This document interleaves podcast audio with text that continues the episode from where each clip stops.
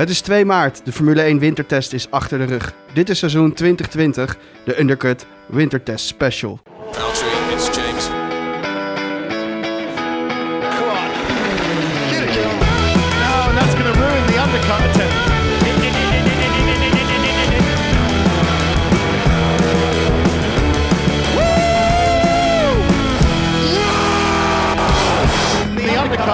Ja, welkom bij de Undercut, de Formule 1 wintertest Special. Eindelijk, de Formule 1 is weer helemaal terug. We hebben een lange winterstop achter de, eh, achter de rug. Ik zit hier aan tafel met Tim en met Thierry. Jongens, hebben jullie het overleefd? Ja, eh, ik ben heel blij dat het weer begonnen is. En ik ben ook heel blij dat we weer in de studio mogen zitten. Ik heb het gemist. Het is, eh, het is fijn dat er weer een beetje nieuws op gang komt eh, momenteel. Nou, straks Ja, eh toch? nabeschouwen op de wintertest. Maar eerst, luister jij de Undercut via Apple Podcast? Geef ons dan vooral 5 sterren. Voor de nieuwe luisteraars, welkom. Je kunt je ook abonneren op Spotify. Dat gezegd hebbende, we beginnen met het laatste nieuws. Ja, Thierry, jij hebt eigenlijk voor mij eh, na de winter het stokje van mij overgenomen met de headlines van afgelopen eh, periode. Wat is het eh, belangrijkste nieuws? Nou ja, eh, Zandvoort. Ja, Het circuit is helemaal af. Eh, we hebben al eh, de eerste beelden hebben we op, eh, ja, op internet kunnen zien. Ehm, maar ja, er zijn natuurlijk wel nog een aantal logistieke problemen bij Zandvoort. Zo, nou goed, het verkeer dat is natuurlijk voor ons al bekend. In het buitenland komen ze daar langzamerhand nu ook achter. In ieder geval de teams. En om ja, het verkeer te omzeilen willen ze natuurlijk graag gewoon rechtstreeks naar het circuit over het zand. Dus er schijnt een aanvraag geweest te zijn van de teams. In ieder geval van Red Bull en Mercedes. Dat ze van, via, waar ze verbleven in Noordwijk, ja dan eh, over het strand in een elektrische, eh, ja, met allemaal elektrische auto's in één grote kolonne naar richting Zandvoort gaan rijden. Volgens Jan Lammers is dat dus helemaal niet waar. Hij zei in ieder geval, die aanvraag komt niet van ons en is ook niet door ons gedaan. We blijven dan ook graag uit de discussie en zullen we ons ook niet in gaan mengen. Mensen mogen ervan denken wat ze willen. Als ik er iets over zeg, dan zorgt het voor alleen maar ophef. Nou, Ja. wordt vervolgd lijkt me dan. Maar de route is nu natuurlijk ook al goedgekeurd door eh, beide gemeentes van Zandvoort en Noordwijk. Ja, alleen er zijn een hele hoop, eh, hele protesten. In ieder geval was- was geen request gedaan vanuit, eh, vanuit Zandvoort zelf daarvoor. Dus Nee, dat is inderdaad wat Lammers heeft aangegeven. Kijk, eh, het kwam vanuit de teams en de organisatie heeft, zich daar wel, heeft daar wel de handen van afgetrokken. Ik denk dat dat ook goed is. ja. Dan krijgen ze niet nog meer, nog meer van dat soort troepen over zich heen. Ja. Hey, naast Zandvoort, waar, wat is nog meer opgevallen? Nou ja, ehm, ja, eigenlijk een ander nieuwtje waar we eigenlijk allemaal niet omheen kunnen. Dat is natuurlijk het coronavirus, eh, dat zich wereldwijd eh, ja, om zich heen grijpt. En ja, goed, het heeft op al een hele hoop evenementen heeft dat wereldwijd impact gehad. In ieder geval op de Chinese Grand Prix. Ehm, ja, die is in ieder geval tot nader, eh, tot verder. Ja, we moeten zien wanneer die uitgesteld is. Waarschijnlijk gaat die misschien niet eens door. Dat is ook nog even afwachten. Maar ja, we hebben natuurlijk ook de start van het seizoen. Australië ligt er vlakbij. Eh Bahrein, Vietnam ligt ook allemaal in de regio eh, ja, Azië en Oceanië.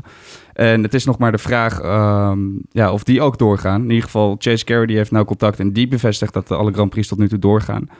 Maar hij bevestigt ook dat hij daar niet het laatste woord in heeft. Zoals je nu ook ziet in China. De, het zijn eigenlijk de lokale autoriteiten die daar alle, alle evenementen hebben afgeblazen. En hij kon ook niet uitsluiten, eh, en de Australische overheid wil ook niet uitsluiten dat de Grand Prix misschien alsnog wordt afgelast. Maar in ieder geval voor de FOM zijn de, zijn de geluiden positief dat we in ieder geval gewoon in Australië kunnen starten. Maar het, eh, het blijft wel spannend om in de gaten te houden. Ja, Australië en eh, Vietnam. Nee, Australië en Bahrein hebben vandaag natuurlijk ook laten weten dat, eh, dat zij in ieder geval de intentie hebben dat het doorgaat. Ja, als de overheid eh, morgen bekend maakt dat mensen uit Italië niet meer mogen komen, dan heeft de Formule 1 een beetje een probleem. Ja, dat is ook precies de reden wat je nu ook ziet met de MotoGP. Die is eigenlijk afgelast omdat heel veel teams uit Italië komen. En daardoor eigenlijk de halve, de halve race niet eens door kan gaan. Ja, en of je nou een start van het seizoen wil zonder Ferrari. Los van of die auto misschien snel genoeg is. Misschien is het eh, voor hun juist alleen maar gunstig. Maar goed, daar gaan we het straks uitgebreid over hebben. Dat is een goed excuus. Ja, Maar- Ferrari is inderdaad eh, het team. Daar was natuurlijk afgelopen vrijdag eigenlijk op de valreep eh, aan het einde van de wintertest ook nog wat om te doen. Wat, wat is er precies aan de hand? Ja, eh, nou ja, zoals we allemaal weten was er een eh, brandstofkabeltje, of tenminste was er iets met een brandstofkabeltje afgelopen jaar met Ferrari. In ieder geval de, in de motor die, eh, ja, die op een gunstige manier eh, gemonteerd was, zodat er wat extra benzine of brandstof naar de motor kon stromen, waardoor ze meer vermogen hadden. Althans, dat waren de geruchten. Eh, de FIA heeft dat afgelopen winter hard uitgezocht. En ja, afgelopen vrijdag kwamen ze met de conclusie dat Ferrari eh, na grondig onderzoek van de FIA een schikking heeft getroffen, getroffen met de FIA. Eh, maar de details van de overeenkomst zullen tussen beide partijen blijven. En die worden niet openbaar gemaakt. Wat ja, natuurlijk stinkt. Ja, ik kan me ook herinneren dat er een zekere Nederlandse coureur was die zich afgelopen jaar toch ergens uitliet over Ferrari. En ook stelde dat ze mogelijkerwijs de boel een beetje liepen te bedonderen. Ja, nou goed. eh, we kunnen eigenlijk gewoon concluderen dat dit gewoon een flinke tik is op de vingers. Eh, en dat ja, de VIA eh, de Ferrari ook enigszins weer beschermt. Ik bedoel, dit, zo'n bericht wordt niet zomaar naar buiten gegooid. En ja, wat, ze, wat de verdere maatregelen zijn, is dat de FIA en Scuderia Ferrari samen een aantal technische verbindenissen aangaan die toezicht op alle F1-motoren voor de komende seizoen moeten verbeteren. Ja, goed, Interessant. dat dat Dus lijkt me een duidelijk verhaal eh, wat Dus ze maken is. zelf een fout en vervolgens ma- gaat Ferrari samen met de FIA onderzoeken of andere teams ook mogelijkerwijs de fout ingaan. Ja, het is eh, zeg maar gewoon een verkapte taakstraf voor Ferrari dit. eh, zo kan je het Eh, het blijft ook een beetje het grijze bie- ge- gebied van de Formule 1. Dat zie je natuurlijk ook, eh, nou, daar komen we straks nog op, het, eh, het DAS-systeem van Mercedes. Ja. Wat valt er wel binnen de regels en wat niet? Ja, dat, eh, dat blijft ook Formule 1. Ja, maar goed, dat, eh, dat maakt het ook wel weer leuk. Zeker. Hey, en tot slot, eh, 28 februari. Ik heb hem, eh, nou ja, groot omcirkeld in mijn agenda. Drive to Survive, seizoen 2. Wat eh, zijn jullie eerste bevindingen? Hebben jullie me er al helemaal doorheen gejast? eh, Ja, helaas wel. Want eh, vorige keer kon ik hem rustig uitspreiden, dat je gewoon langzaam naar het seizoen door eh, ja, uitkijkt en doorleeft. Maar nu, eh, nu is hij eh, ja, in twee dagen alles er doorheen gekeken. Ja, ik, eh, ik zal vanavond nog even de laatste aflevering eh, moeten doen. De rest heb ik gezien. Ik, eh, ja, ik heb tot nu toe wel genoten. Het is, eh, het is af en toe eh, ja, wat Hollywood-achtig. Hè? Eh, Max Verstappen, die, eh ja, spoiler Ja, maar dat is Netflix ook. Die, die haalt hem in de laatste ronde in, hè? Vettel in Australië. Ja. gebeurde 27 ronden voor het eind. Maar goed, kijk, weet je, eh, alle dingen die je achter de schermen kan zien is hartstikke leuk. Eh, en daarnaast eh, zorgt het ook weer ervoor dat het een heel nieuw publiek naar de Formule 1 trekt. En Ja, dat vooral alleen wat, eh, ik heel interessant vond om te zien, is eigenlijk hoe het achter de schermen eraan toe ging bij, bij Red Bull. En bij, eh, nou ja, Pierre Gasly. Voordat hij eh teruggezet werd naar... ja, je, je, weet natuurlijk wel dat ze daar redelijk hard zijn. Maar als je dat dan op beeld ziet, ja, moet je, Ja, we- na- we- we moet zullen je niks- nagaan wat er achter de schermen gebeurt. Dat is Ja, we moeten niks gaan verklappen, maar het is eh, wel... Het is een aanrader. Aanrader, ja. Alright, nou jongens, dan gaan we nabeschouwen op de wintertest. Nou, een van de meest opvallende zaken, denk ik, eh, na twee weken testen in Barcelona, was toch eigenlijk wel weer de hele sterke vorm van Mercedes.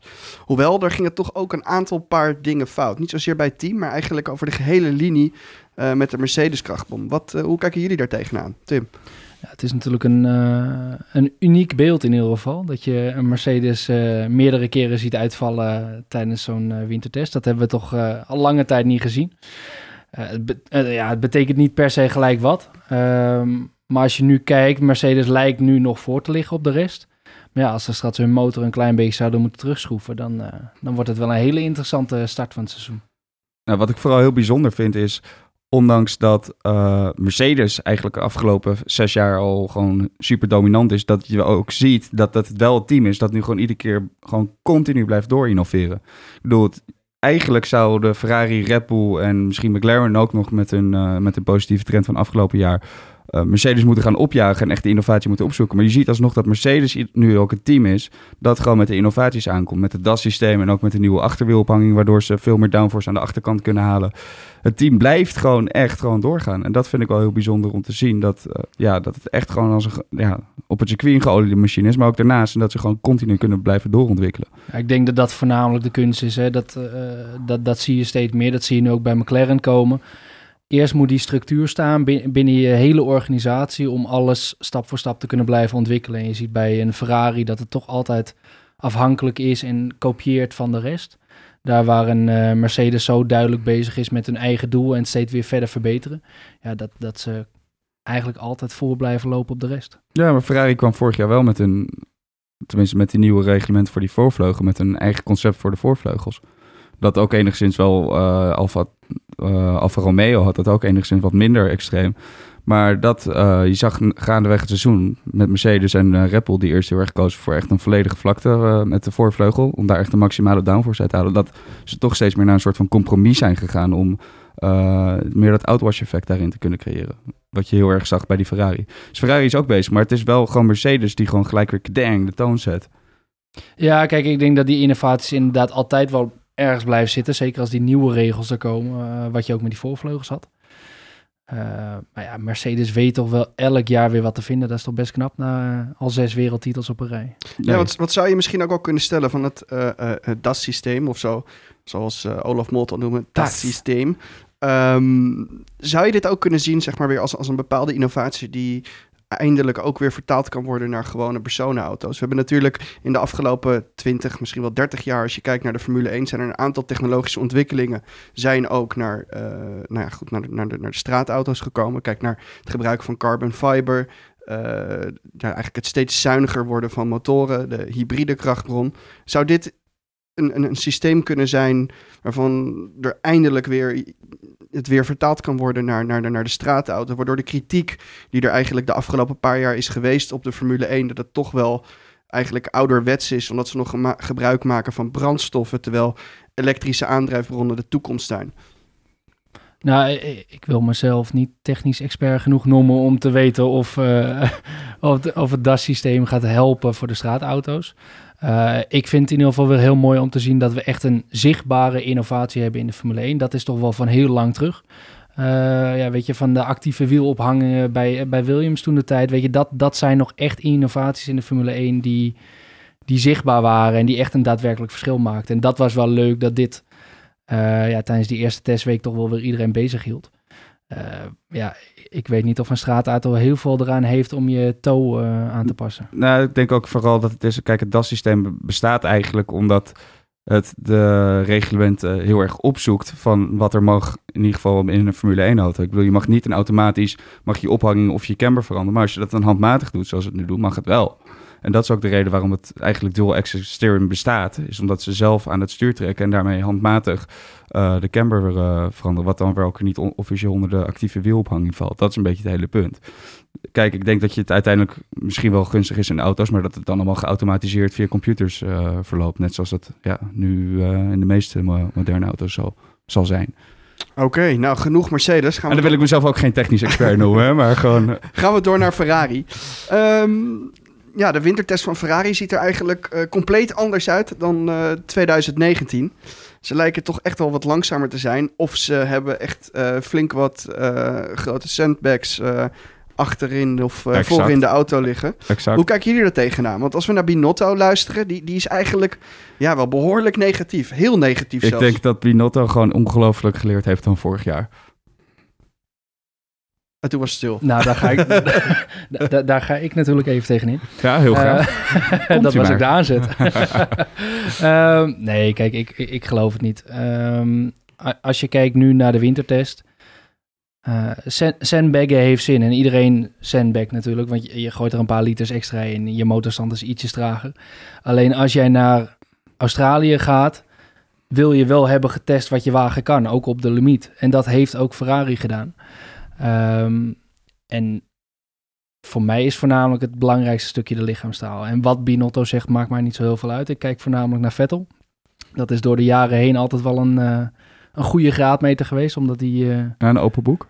nou ja, die, die, die kan slecht acteren, laten we het zo zeggen. Kijk, als het goed gaat met Vettel, dan is hij hartstikke vrolijk. Dan wisselt hij petjes bij kinderen op, eh, op zijn hoofd. En dan, dan is het de clown van de Formule 1. Op het moment dat het niet loopt, op het moment dat hij kritiek krijgt en de wagen is niet naar zijn zin, dan eh, ja, is dat eigenlijk altijd wel direct te zien aan, eh, aan Vettel. Dus de uitspraak van Binotto, die, die, die verwacht dat hij mogelijk tijdens de nou, eerste paar races eh, van het nieuwe seizoen mogelijkerwijs moet gaan vechten op, de, op het circuit tegen Racing Point. Dat, eh, dat zie je wel als geloofwaardig. Nee, ja, ik niet. Nee, gewoon niet. Ik, ik denk serieus dat Ferrari gewoon eh, op zich niet een hele snelle auto heeft gebouwd van het niveau van Mercedes. Maar ik denk wel dat ze gewoon de halve wintertest, of in ieder geval bijna de hele wintertest, gewoon echt eh, de motor op 10% hebben gezet. En dat ze dat daar nog gigantisch veel snelheid in over. Ook als je kijkt naar de rest van de Alfa, eh, Alfa Romeo en Haas, die waren veel sneller op de rechte stukken dan Ferrari. Nee, dat, kijk, dat klopt inderdaad wel. Die, die motorstand hebben ze inderdaad zeker hebben echt in de eerste eh, hebben ze heel laag gezet. Eh, dus kijk, eh, ze komen niet in het vaarwater van Racing Point en eh, McLaren en Renault. Dat geloof ik inderdaad ook niet. Eh, maar ik denk dat het wereldkampioenschap dit jaar, en dan lopen we een beetje vooruit op de feiten, maar tussen Mercedes en Red Bull zal gaan. En dat Ferrari al heel vroeg gaat switchen naar 2021. Ja, want Tim, jij hebt ook even gekeken naar de gegevens van Automotor en Sport. En heb je een korte analyse gemaakt, eh, eigenlijk van de topteams op basis van de afgelopen twee weken. En daaruit was eigenlijk toch wel de conclusie dat Mercedes nipt sneller was dan, eh, dan Red Bull. Hoewel dat bij Red Bull, nou goed, daar gaan we zo nog even over hebben, geeft dat mogelijkerwijs een vertekend beeld door de compounds die er ook zijn gebruikt.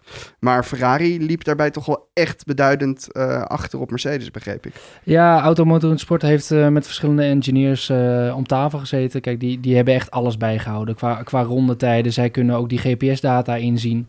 Eh, en inschattingen maken op de benzine. Nou, daarover heb ik al gezegd. Zo'n technisch expert ben ik niet. Eh, maar uit hun data is inderdaad gebleken dat Mercedes eh, bovenaan staat. Red Bull staat op 13e afstand, Ferrari op 16e en dan Racing Point op 18e. Dat is eigenlijk de top 4. Dan heb je McLaren en Renault op even een kleine seconde. Nee. En daarna krijg je eigenlijk de achterhoede. En ja, wat, wat mij voornamelijk opvalt is inderdaad dat Mercedes nu nog wel bovenaan staat. Maar ja, ondertussen al wel vier motors eh, gehad in de wintertest. En dan vraag je wel af, ja, die drie tienden naar Red Bull. Red Bull ook niet helemaal 100%. Maar ja, als ze die motor ietsjes moeten terugschuiven, dan krijgen we een leuke kwalificatie. Nee, precies. Nou, voordat we naar Red Bull gaan, nog even een klein kort eh, dingetje over Vettel. We hebben het net al even kort over hem gehad.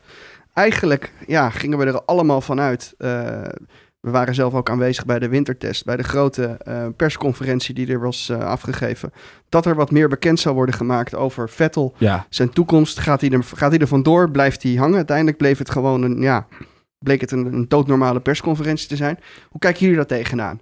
Zou er wat, zou hij misschien toch al wat bekend willen maken? Is er op het laatste moment is er iets afgezegd? Wat gaat hij überhaupt doen? Blijft hij nog? Ja, het was een hele vreemde, omdat een van tevoren was, werd heel groots aangekondigd dat ja, Binotto en Vettel samen dus bij die persconferentie aanwezig zouden zijn. Nou, gelijk er geruchten, eh, contractverlenging, maar er gingen ook gelijk geruchten rond. Eh, hij gaat ermee kappen.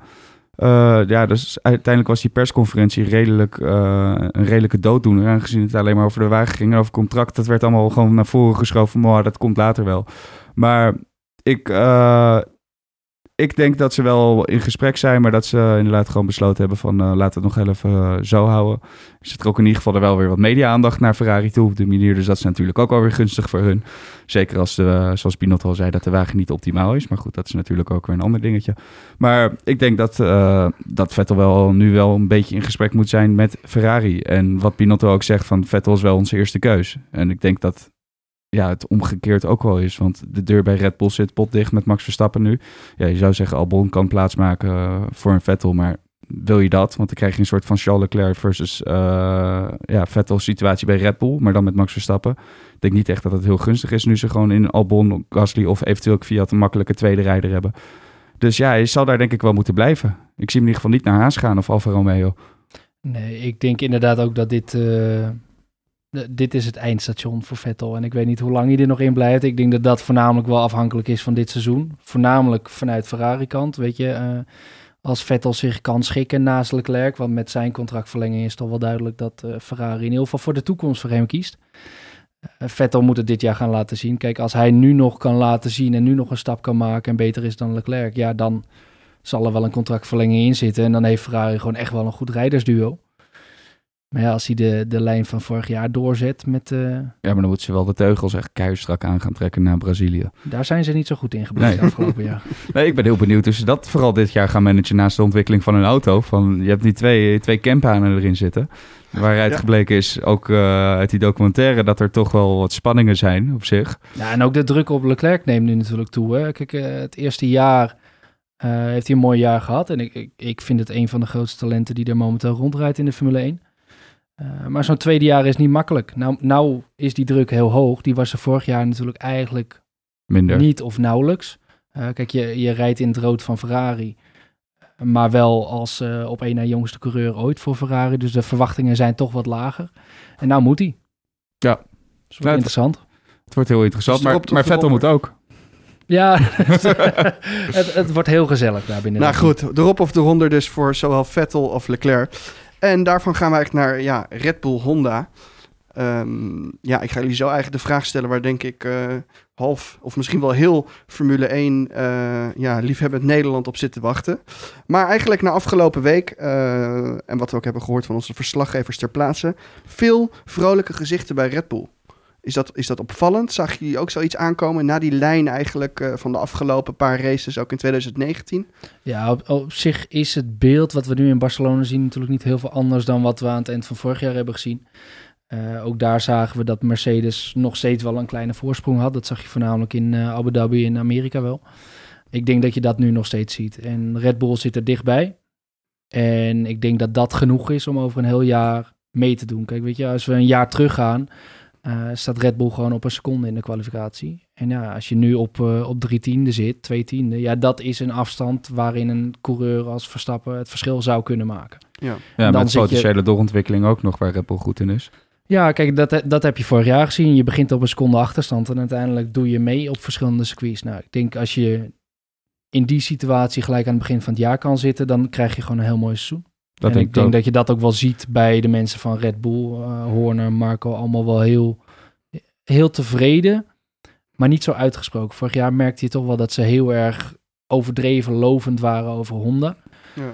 Dat zie je iets minder. Ze zijn wat dat betreft wel iets kalmer, maar wel met zelfvertrouwen. En zeker de lach op het gezicht van, eh, van Verstappen spreekt, eh, spreekt wel vol- voldoende van, eh, ja, ja, want de vraag, de Ja, vraag het viel mij vooral op dat Helmut Marco juist heel erg stil is. Terwijl die normaal gesproken altijd keihard loopt te roepen dat ze, dat ze wereldkampioen worden. En die heeft zich eigenlijk redelijk stilgehouden. Terwijl Horner heeft gezegd ja, "Mwah." maar voor het seizoen heeft hij, heeft hij wel flink van zich laten Ja, horen. tuurlijk, maar dat is, eh, ze, dat is gewoon zijn winterriedel is dat. Eh, die zien we ieder jaar terug. Maar Horner die was verrassend positief. En die was juist voorgaande jaren altijd van... Nou, Mercedes ligt nog wel voor. Maar hij had nu wel zoiets van... Het is wel de beste... eh, een van de betere wintertests die we in dit hybride tijdperk in ieder geval gehad hebben. Dus dat belooft in ieder geval wat. Ja, kijk, weet je, heel simpel. Ze moeten nu ook wel, hè. Kijk, eh, Zeker. dat heeft Marco wel al voorafgaand aan het seizoen gezegd. De excuses zijn nu wel op. Ja, Ik, eh, dit jaar moet het gewoon gebeuren. Die Honda-motor moet het nu gaan doen.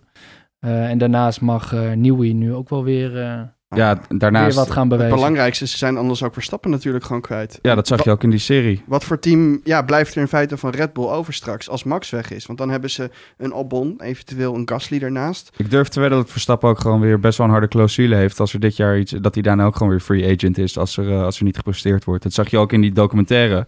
Dat er heel duidelijk was, ja, voor de zomerstop moest hij gewoon derde in het WK staan. Anders was hij vrij. Ja, ik Zoiets denk dat hij voor ook wel- 2021 wel, wel goed ligt. Of ze moeten nu heel erg door het ijs zakken. Nou, dat verwacht ik niet als je nu ook de situatie ziet. Nee, dat denk ik ook niet. Eh, Maar maar inderdaad, doen. na twee, als in 2021, als ze daar eh, weer niet er staan, als het dit jaar, stel het lukt dit jaar niet, volgend jaar weer niet, ja, dan denk ik wel dat hij op zoek gaat naar iets anders. Maar dan, dan de hamvraag. Eh, op basis van, van, van de data staat Red Bull er... of heeft, is Red Bull voldoende ontwikkeld om eh, in Melbourne in ieder geval het gevecht aan te kunnen gaan met eh, Mercedes? is niet te zeggen op basis van het circuit van Barcelona. Qua, qua tijden, ligt, zeker in de longruns, lagen ze er niet al te ver vanaf. Wat me wel heel erg opviel, is dat ze absoluut niet het achterste van een tong lieten zien. Vooral toen Verstappen eh, de laatste 10 minuten, geloof ik, van de wintertest nog even naar buiten ging op diverse C4's. Dat hij, op, dat hij twee tiende boven de tijd lag en dat hij ja, overduidelijk ging liften op het laatste stuk. Ja, want je hebt het daar over de twee tiende, dat hij zeg maar boven de tijd lag van Bottas. Ja, die een tijd reed op de C4 of op de C5. C5. En Max reed hem eigenlijk op een hardere compound. Ja. En die was daarop eigenlijk al sneller dan. Ja, nee, hij hield in. Kijk, niemand laat sowieso het achterste van zijn tong zien. Maar het is vooral, vooral, ja, wordt het interessant hoe het in Melbourne is. Kijk, het is een heel ander circuit dan wat je nu hebt. Barcelona is een hele mooie combinatie van snelle bochten, langzame bochten en middelsnelle bochten. En ja, Melbourne is sowieso een stratencircuit, dus er is, ligt daar veel minder grip. Ik bedoel, het grip wordt opgebouwd gaandeweg eh, het weekend. En het is een heel, ja, heel atypisch circuit eigenlijk. En we zien ja, de voorgaande jaren eigenlijk dat Mercedes, vooral in de kwalificatie, daar heel sterk is. Maar dat hoeft verder niet gelijk een, de absolute graadmeter te zijn voor de rest van het seizoen. Kijk, weet je, dat, dat is de essentie ook voor, voor het hele Formule 1 seizoen natuurlijk. Je hebt eh, nou, momenteel even 21 kalen- eh, races op de kalender staan. Ja. Ehm, eh, het is nu de ontwikkeling van de teams. Kijk, weet je, daar ligt het nu, eh, daar ligt het nu even bij. Ze, hebben nu, eh, ze zijn nog nooit zoveel rondjes rondom Barcelona geweest in de wintertest, ondanks dat je minder dagen had. Kijk, nu is het aan het team en dan ga je in Melbourne zien hoe dichtbij Red Bull zit. En ja, dan is het aan de coureurs. Ja, en tot slot, Red Bull. de, ja, de RB16, de nieuwe auto, eh oogde snel. Maar ik hoorde her en der eh, ook al wat verhalen dat hij toch wel enigszins nerveus oogt. Hij is, zoals de Britten noemen, skittish. Hij Ja. wil snel glijden als hij echt zeg maar, op de limiet wordt gereden. Wat is, wat is jullie daarbij opgevallen? Vooral eh, de eerste testweek zag je dat overduidelijk. Zag je echt gewoon nog dat ja, de balans niet helemaal oké is. Terwijl die Mercedes out of the box redelijk gewoon ja, alweer op rails lag. Eh, maar wat vooral veel in de laatste sector, waar ja, Red Bull eigenlijk voorgaande jaren vaak redelijk sterk was, dat hij redelijk eh, nerveus oogde, vooral met het uitkomen van de bochten. Dan zag je hem echt vechten met zijn stuur. Terwijl die Mercedes, nou, dat eh, was gewoon alsof het Thalys op de hoge snelheidstrein naar Parijs was. En dat, dat, dat was wel het verschil. Alleen je zag het wel gaandeweg de laatste testdag, zag je dat wel beter worden. Dus het, kan zijn dat het gewoon een balansdingetje is die ze gewoon helemaal glad gestreken. Maar ja, dat, eh, dat zullen we ook gewoon weer in Melbourne moeten zien. Kijk, er zijn een hoop problemen nog met die auto. Want die komt, je rijdt er voor het eerst mee eh, dit jaar. En er zullen een hele hoop dingen nog moeten worden gladgestreken. Het blijft denk ik ook wel een dingetje van de high rake van eh, Adrian Newey. Die moeten ze eerst elk jaar weer opnieuw begrijpen. Want daar, daar moet zoveel downforce omheen worden gemaakt om dat voor elkaar te krijgen. Om dat goed werkend te krijgen. Omdat je anders gewoon altijd de achterkant kwijt bent.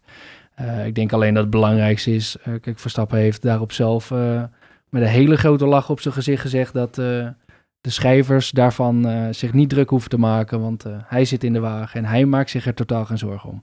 Nee, misschien is het ook wel juist een kenmerk wat hij, wat hij lekker vindt om, eh, om mee te rijden. Ja, vorig jaar had Gasly er erg veel moeite mee en eh, ging eh, Verstappen erg hard. Ja, maar die vouwde ook al gelijk twee wagens op tijdens de test. Dus. Die had al niet Albon- vertrouwen dat, vind ik wel knap van Albon. Hij, heeft, hij is niet in dezelfde voetsporen getreden. Hij heeft hem wel uit, netjes uit de muur gehouden. Op één Ja. keer in de grindbak na, geloof ik. Ja, dat, dat zie je ook wel in die, in die Netflix-serie. Ik moet zeggen dat ik, dat ik zelf mijn twijfels had. Ik, eh, ik was toch wel voorstander ervan om, om Hulkenberg in die wagen te zetten. Weet je, dan kan je Albon en Gasly veel meer tijd geven om gewoon, net als een Sainz en een Ricciardo, gewoon echt ervaring op te laten doen in de Formule 1 voordat je ze in zo'n topteam dropt. En dan kan je met Hulkenberg een ervaren man ernaast zitten. Maar ja, als je hem nu ook weer in die testdagen zit, eh, ziet, weet je, hij, rijdt heel steady, rijdt zijn rondjes, hij doet gewoon zijn dingen en is gewoon een hele rustige, rustige jongen. En dat, dat zie je ook weer in die Netflix-serie. Heel, eh, Down to earth. ja, en eh, die druk zal hem weinig doen, lijkt het. Maar wel agressief. En hongerig. Gaat Ook- zien. Nou, van Red Bull gaan we naar ja, misschien wel de verrassing van, eh, van deze winter. De Pink Mercedes. De Pink Mercedes Racing Point. Slimme set of treurig? Nou, Nee, perfect.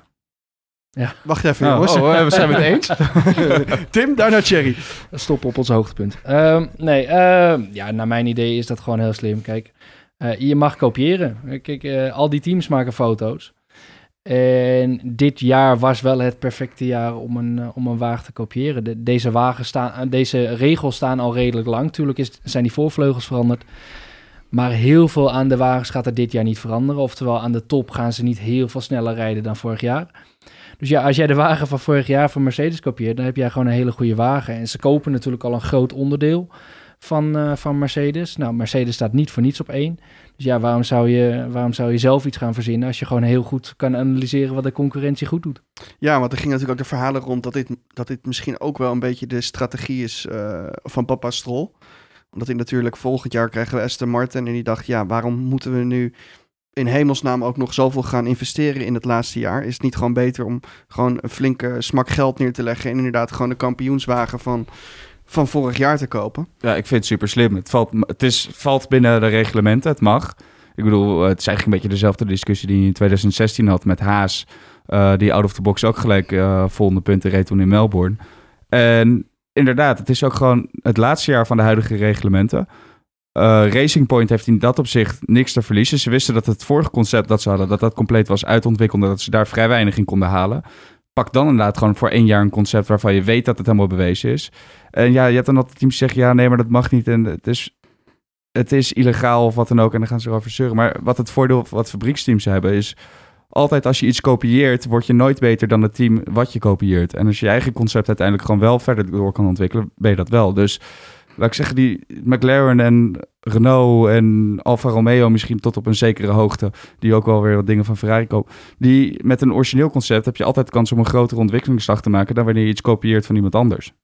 Weet je, eh, het belangrijkste is voornamelijk dat je de Formule 1 op deze manier gewoon competitiever maakt. Ja, Kijk, die Steiner eh, zei het laatst ook in een interview. Weet je, het liefst had ik, een, had ik gewoon een fabriekswagen gekocht van Ferrari. Wat ze eigenlijk natuurlijk in de MotoGP ook doen. Al die klantenteams kopen eigenlijk gewoon een motor van, eh, van, de, van Yamaha of van een Honda van vorig jaar. En daardoor is het, is het deelnemersveld zo competitief. En kijk, weet je, met die nieuwe regels voor 2021 gaat dat niet gelijk zo werken. Omdat die wagens zich dan nog heel snel evolueren. Maar als die, als die regels heel lang stabiel blijven, wordt het ook wel interessant om het veld heel competitief te maken door, eh, ja, door de B-teams wat dat betreft veel meer te laten kopiëren. ja, het zit alleen niet in het DNA van de Formule 1. Het is constructeurs. Constructeurs moeten een eigen auto ontwerpen. Ja, nee, tuurlijk eh, voor een groot deel. En dat, dat moet Racing Point nu natuurlijk nog steeds. Ja. Alleen weet je, nou, nou ja, uiteindelijk moet je hem het, het is ontworpen tussen aanhalingstekens, maar het is, eh, ze werden ook al Tracing Point genoemd, gewoon van overtrekken. Ja, maar ja, is- aan de andere kant, weet je, eh, McLaren en Renault staan daar, staan daar nu achter. En kijk, weet je, McLaren is, is net bezig, weet je, dat, dat, vind ik prima. Maar Renault is nou vanaf, eh, wat is het, 2000, eh, 2015, 2016? 16 jaar. Zijn ze nou bezig met, met deze structuur, met dit management. En je, en je wordt gewoon ingehaald door een wagen die gewoon een wagen van vorig jaar kopieert. Ja, weet je, met Nou, zoveel middelen bij Renault, ja. Nog leuker, je wordt ingehaald door eh, een klantenteam wat met jouw motor rijdt. Ja, nou, dat was Dat is- natuurlijk jaar dat is helemaal nog veel gênant. Hey, maar inderdaad, Renault gesproken. Want eh, nou ja, aan de hand ook van, eh, van Drive to Survive heb je een beetje de ontwikkeling gezien van Renault in de afgelopen jaren. En dan zie je ook de beweegreden van Daniel Ricciardo om juist voor Renault te kiezen. Hij sp- sprak ook echt nadrukkelijk uit dat hij daar gewoon een goede eh, ja, stijgende lijn heeft waargenomen. Dit jaar, Renault, ziet Nou er ja, niet die- echt fantastisch uit. En wat, wat betekent dat voor het team? Ook met betrekking tot eh, Renault, die zelf toch wat meer qua personenauto's de focus gaat leggen op de elektrificering. Eh, is er nog wel een toekomst voor Renault in de F1? En wat gaat dat betekenen voor Ricciardo?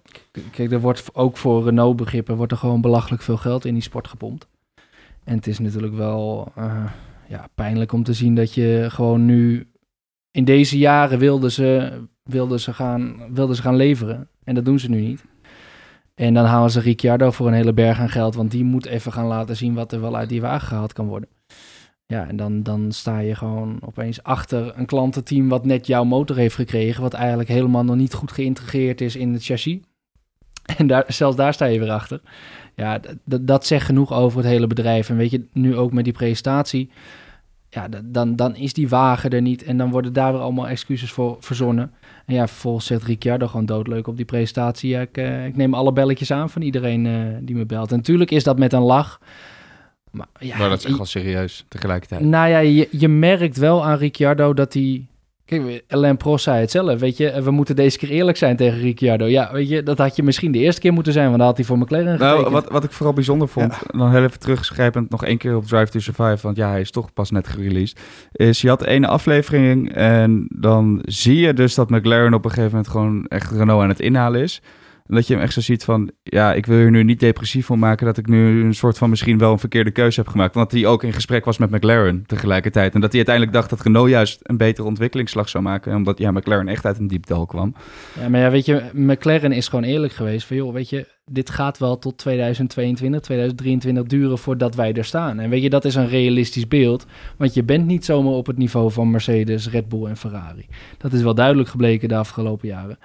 Eh, en Renault heeft gewoon gezegd, nee joh, wij- gaan naar de top. Joh, als jij in die wagen stapt, zijn we gelijk wereldkampioen. Ja, nou, dat net niet. Nou, ik ben, ik ben benieuwd. Het is, kijk, het middenveld ligt sowieso ongelooflijk dicht bij elkaar. En McLaren en Renault, ik denk, ja, McLaren zal wel iets voor liggen, maar het verschil zal niet echt eh, zijn wat je hebt tussen de topteams en, eh, laat ik zeggen, en Renault, laat ik zeggen. Echt, het verschil zal niet meer dan een seconde of een half seconde, denk ik, zijn. En gaandeweg, kijk, het seizoen begint ook weer. Kan, eh, de teams kunnen weer helemaal opnieuw door gaan ontwikkelen, kunnen een wapen, of een wapen, ja, wapen eigenlijk ook, eh, verder doorontwikkelen. Dus het kan sowieso in het middenveld zal het dit jaar denk ik gewoon weer enorm spannend worden. En ik denk juist dat we alleen maar erg kunnen gaan, gaan genieten van het gevecht tussen McLaren en Renault. Hey, Mooie en dan- coureurs ook trouwens hoor. Ja. Ja, Om, eh, nou ja, zeker. Dat, dat zag je ook. gezien. Ja. Hey, en ehm, tot slot met het uitlichten van de teams. Als er misschien één team is dat eigenlijk van zero tot hero eh, zichzelf kan bekronen, dan is dat misschien wel Williams.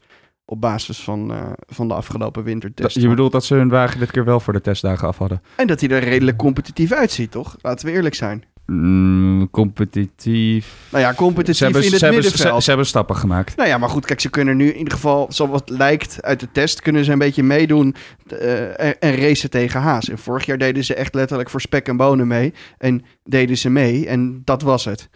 Ja. Het, het zou leuk zijn als ze, eh, zoals nu uit die Het data... zou leuk zijn als ze punten pakken. Uit, uit die data blijkt wel dat, dat ze heel dicht bij Haas en Alfa Romeo zitten en Alfa Tauri. Weet je, dat, dat zou leuk zijn. Ja, het is natuurlijk nog niet waar. Maar goed, weet je, dat had je ook niet kunnen verwachten. Want vorig jaar en dat jaar daarvoor was het echt een drama. Dus je kan er nu niet opeens tussen staan. Want dat doet dat middenveld, eh, dan hebben die wel een beetje licht slapen. Maar Het, is goed dat ze weer rijden. Het zou fijn zijn als ze in de buurt zitten. Maar we moeten er niet eh, te veel van verwachten. Ik, zou het wel mooi vinden als ze in ieder geval nu in de basis een goede wagen kunnen creëren. waarin ze weer snel kunnen doorontwikkelen. Eh, dat die wagen, laat ik zeggen, misschien niet gelijk in Melbourne voor punten gaat. en misschien nog wel tot de achterhoede behoort. Maar dat ze gaandeweg het seizoen wel weer gewoon aansluit eh, kunnen vinden bij het middenveld. In ieder geval voor, punt, voor punten kunnen vechten. Ik vind sowieso die George Russell, ik wil heel graag meer van hem zien. Dat is wel een coureur die, ja, Mercedes Junior, eh, Esteban Ocon hoort er ook bij. Ik denk dat dat serieus wel een talent is. Ja, die vorig jaar gewoon niks kon doen. En ik vind het ook voor een team als Williams dat toch wel, eh, ja, gewoon in de Formule 1 thuis hoort en daar een bepaalde, historisch gezien ook een soort van status overheen heeft. Is het gewoon zonde dat zo'n team zo erg is afgegleden. En ik juich het alleen maar heel erg toe als zij juist aankomend seizoen eh, die doorontwikkeling kunnen vinden. En in ieder geval weer punten kunnen pakken. Oké, nou, tot zover de teams. Dan nog kort wil ik eigenlijk van eh, jullie beiden kort en bondig het hoogtepunt van de wintertest. Begin bij jou, Tim. Ja, voor mij is dat eigenlijk voornamelijk wel gewoon eh, de, de hele, eh, ja, het hele entertainment eromheen. Kijk, als we twee jaar terug gaan in de tijd, moest iedereen het doen met de wintertest, ja, wat we toevallig voorbij zagen. Een twittertje van mensen die op het, op het paddock aanwezig waren en ergens een illegale stream. Eh, en nu heb je gewoon F1 TV, wat er gewoon voor zorgt dat je gewoon twee weken lang alles ziet. Ze trekken een man of 20, 25 van Sky Sports eh, naar het circuit toe om er van alles en nog wat over te vertellen. En voor, ja, ik vind dat als Formule 1-fan, weet je, ik zit gewoon twee weken voor, die, eh, voor, voor het scherm. En niet per se om naar die wagens te kijken, want ja, die, die rijden hun rondjes en het zal allemaal wel. Maar wel voor al die verhalen en alle informatie die je nu opeens al voorafgaand aan het seizoen al kan krijgen. Dat, eh, dat, dat vind ik wel een groot, eh, groot verbeterpunt. En daar is ja, Liberty Media wel een eh Ja, dat belangrijke F1 TV, partner in. dat F1 TV, dat is wel echt een aanwinst tijdens de wintertest. Het is gewoon één grote podcast van 8, 9 uur die je nu, waarin alles helemaal wordt uitgeplozen voor je. Ja, het zou fijn zijn als het als podcast kon, dan scheelt een hoop internet als je het in de auto wil luisteren. nee, maar daarvoor was de redactie natuurlijk ook daar druk bezig om, Ja. eh, om nog eh, dingen te halen. Nee, ja, ik vind het inderdaad ook wel, eh, wel mooi. Maar wat, wat, ja, wat ik vooral heel vet vond, was eigenlijk de tweede testdag gewoon het DAS-systeem. Omdat dat gewoon echt bij iedereen, echt de hele wereld struikelde erover van, wat is dit? Vooral toen ze dat stuur eruit trokken. Het, is, het had iets magisch. En dat eh, vooral iedereen daar gelijk zo op indoken. En van wat doet dat? En wat kan dat zijn? En hoe werkt dat? En al die teams ook gelijk met open mond. Maar ook met respect naar Mercedes. Van ja, wel weer knap dat ze met zoiets aankomen zetten. Eh, dat vond ik gewoon super gaaf. En dat is gewoon ja, het innovatieve aspect. Dat je weer eindelijk iets zichtbaars hebt. eh, waarvan je zien, nou, waarvan we nog niet eens weten of het echt heel veel uit gaat maken. Want volgens mij is het verschil een paar honderdste of misschien een tiende max. Maar het is wel, eh, wel gaaf om te zien. Oké, nou jongens, gaan we door naar winnaars en verliezers. Zijn er winnaars of verliezers? Of zijn er misschien meer winnaars? Of juist alleen maar verliezers? Hoe kijken jullie daar tegenaan? Nou, verliezers weinig. Ja, het viel wel op dat iedereen heel positief was tijdens deze wintertest. Normaal heb je er toch wel een paar. Ja, ik vind Ferrari is misschien wel een van de verliezers. Ehm, maar goed, daar moet je nog van zien wat, wat nou echt de tegenslag is van hun.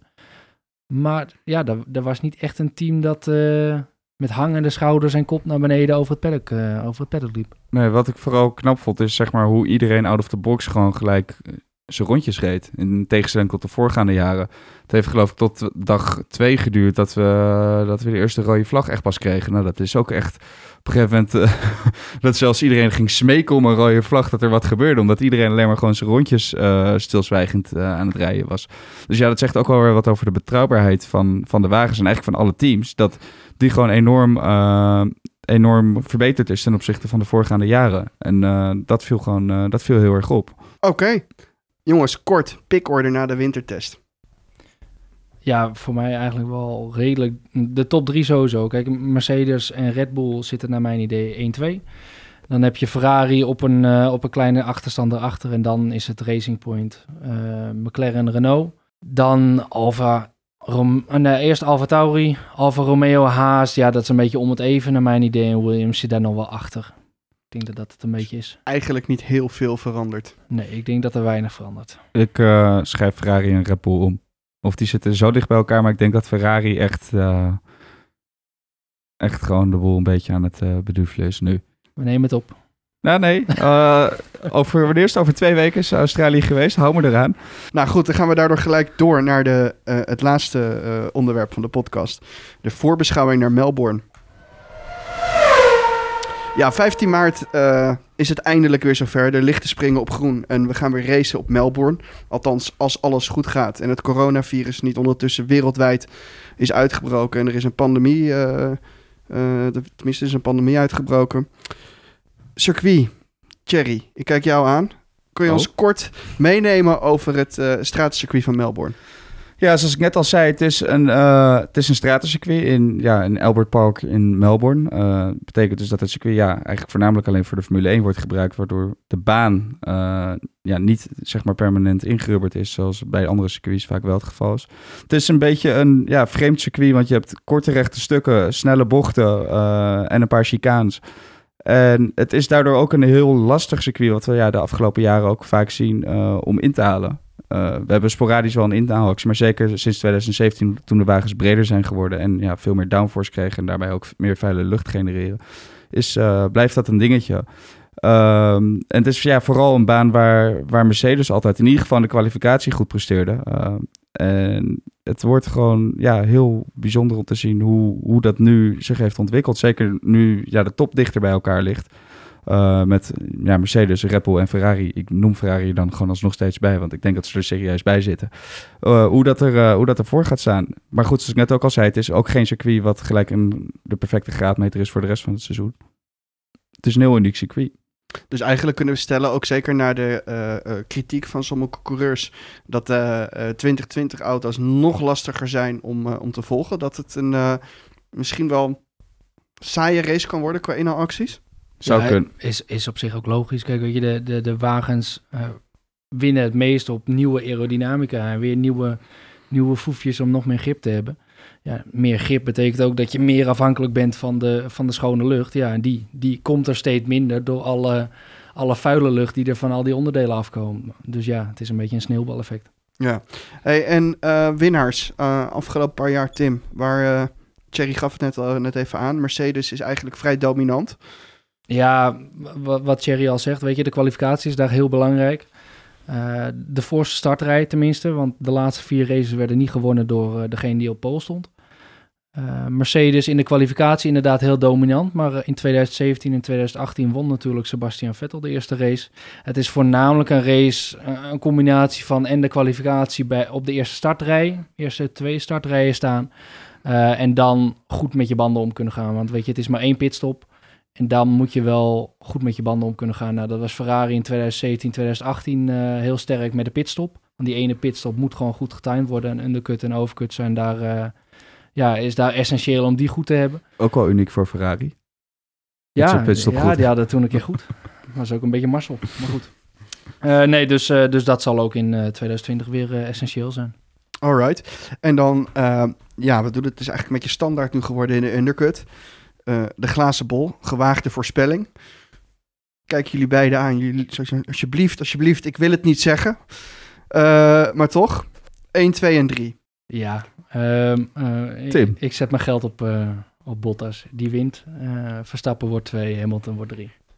Ik zeg um, Hamilton, Leclerc, Verstappen. Drie teams. Ja, dat zou mooi zijn. Ja. Dat zou serieus ik, een leuk Ik wist niet dat we dronken voor de aflevering. nee, maar dat is sinds 2020 doen we dat. Ah, oké. Okay. Nou, wacht, we moeten er... voor de verkeerde beeld wordt geschetst hier. Alright. Nou jongens, dit was de eerste aflevering van de Undercut in 2020. Dank aan Tim en Thierry. Eh, na de Grand Prix in Australië zijn we weer terug. Hopelijk heeft Max dan eh, kunnen vechten voor zijn eh, pole position op Melbourne. En is hij er vandoor gegaan met de overwinning. Bedankt voor het luisteren en graag tot de volgende aflevering.